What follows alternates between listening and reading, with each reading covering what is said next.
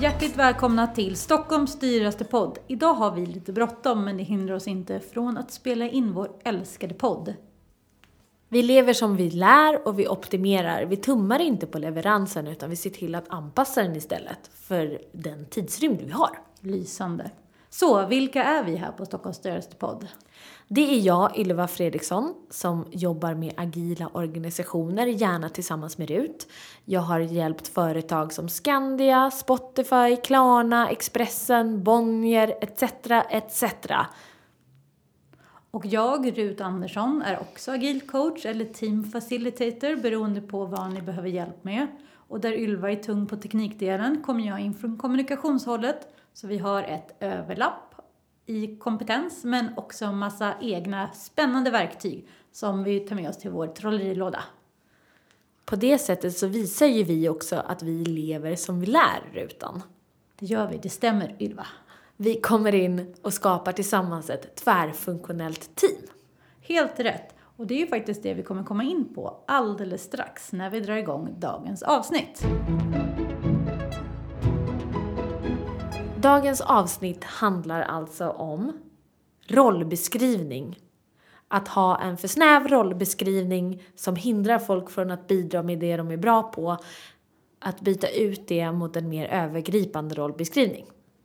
När man är ny på en arbetsplats då kan man vara låst vid sin rollbeskrivning. Det står det här och det här och det här och det här ska jag göra.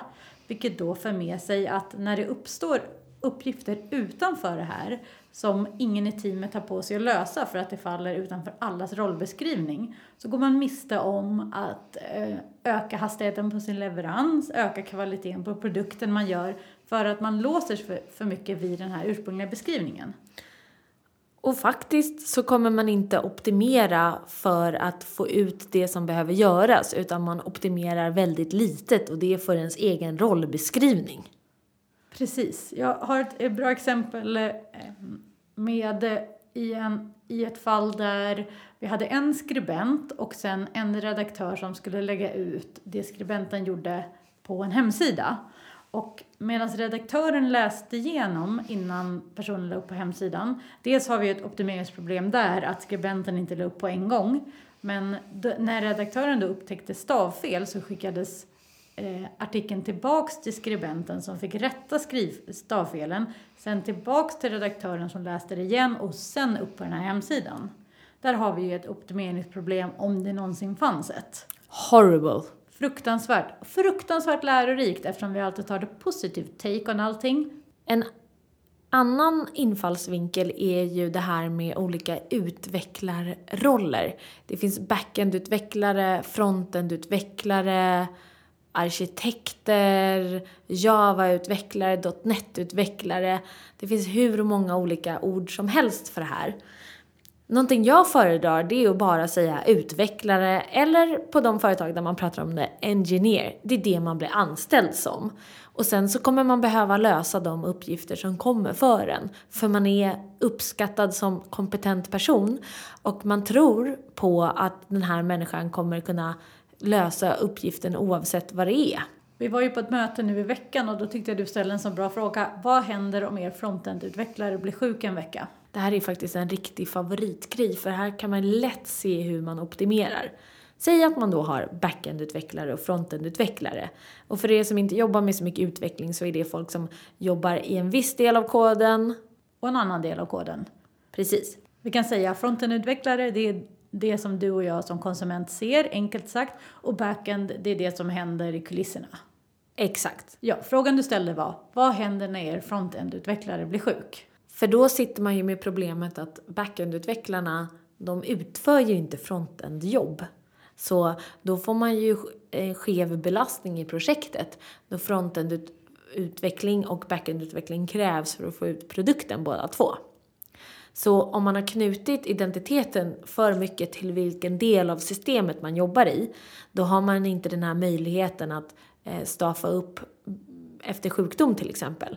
Så då skulle jag föredra att man kallar det för fullstack-utvecklare eller bara utvecklare så har man inte berättat för folk att du jobbar bara med backen så du kommer inte kunna jobba med fronten. Eller att behöva motivera folk att ta sig an uppgifter utanför vad de är vana vid. Så skriv rollbeskrivningen så inkluderande som möjligt och utnyttja kreativiteten hos människorna som jobbar hos dig. Det skulle vara som på ICA om en som sitter i kassan blir sjuk. Då är det ju jättebra om någon på lagret kan komma in och ta den rollen. Eller om det fattas folk på lagret, att någon i kassan kan gå bak på lagret. Vi vill ha den där diffunderingen mellan de olika områdena. Det kan ibland pratas emot det här sättet att jobba och på designbyråer eller byråer som jobbar hierarkiskt, där finns det ju mycket prestige i vilken roll man har. Man har eh, projektledare och produktionsledare och CDs och ADs och juniora ADs och seniora CDs och hej och hå. Alla är väldigt inrutade i vad de jobbar med. Det kommer kräva rätt mycket folk och det finns också en tydlig trappa man kan klättra i. Problemet där blir ju att det blir svårt att få någon som har fått en mer senior roll att kliva i och göra det juniora jobbet om det behöver göras. Precis, och då blir ju risken att man har ett jobb som ligger och väntar på att en junior ska göra det medan den seniora kanske sitter eh, och rullar tummarna, inte för att raljera, men kanske inte gör något som är affärskritiskt. Så om man behöver ett argument för att man kan byta roller så kan man ju titta på hur folk rör sig över arbetsmarknaden. Många gånger så ser man ju hur människor väljer ett nytt jobb som inte är likadant som det gamla. Och med det sätt så ser man ju faktiskt att människor har en förmåga att göra olika typer av arbetsuppgifter. Om det inte räcker så kan man titta på hur ens egen dag disponeras. På dagen när du är på arbetet och på kvällen vad du gör hemma. Det kanske skiljer sig väldigt i strategiska och praktiska uppgifter. Så du är ju också bra på att göra både strategiska och praktiska saker. Tänka stort, tänka litet. Så på det sättet så kanske det inte behöver finnas en roll som är strateg, utan det kan förväntas av den som också jobbar praktiskt. Vill man läsa lite mer om det här så kan man titta upp T-shaped workers. Att man ser bokstaven T har ju ett tak, en bredd och en pinne som det står på som är djupet och det representerar kompetensen. Att man har ett djup inom ett område.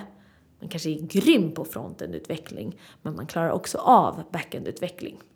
Jag har en väldigt lyckad erfarenhet där vi bröt upp backend-utvecklare och frontend-utvecklare på en byrå och införde fullstackutvecklare, eller helt enkelt utvecklare.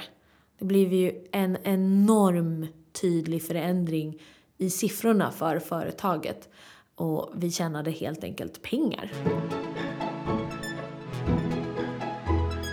Vi fortsätter gärna det här samtalet och tar del av era egna erfarenheter kring rollbeskrivning. Har du själv varit i en roll med en för snäv beskrivning eller kanske upplevt att du inte har fått gehör när du har velat lämna din egen rollbeskrivning?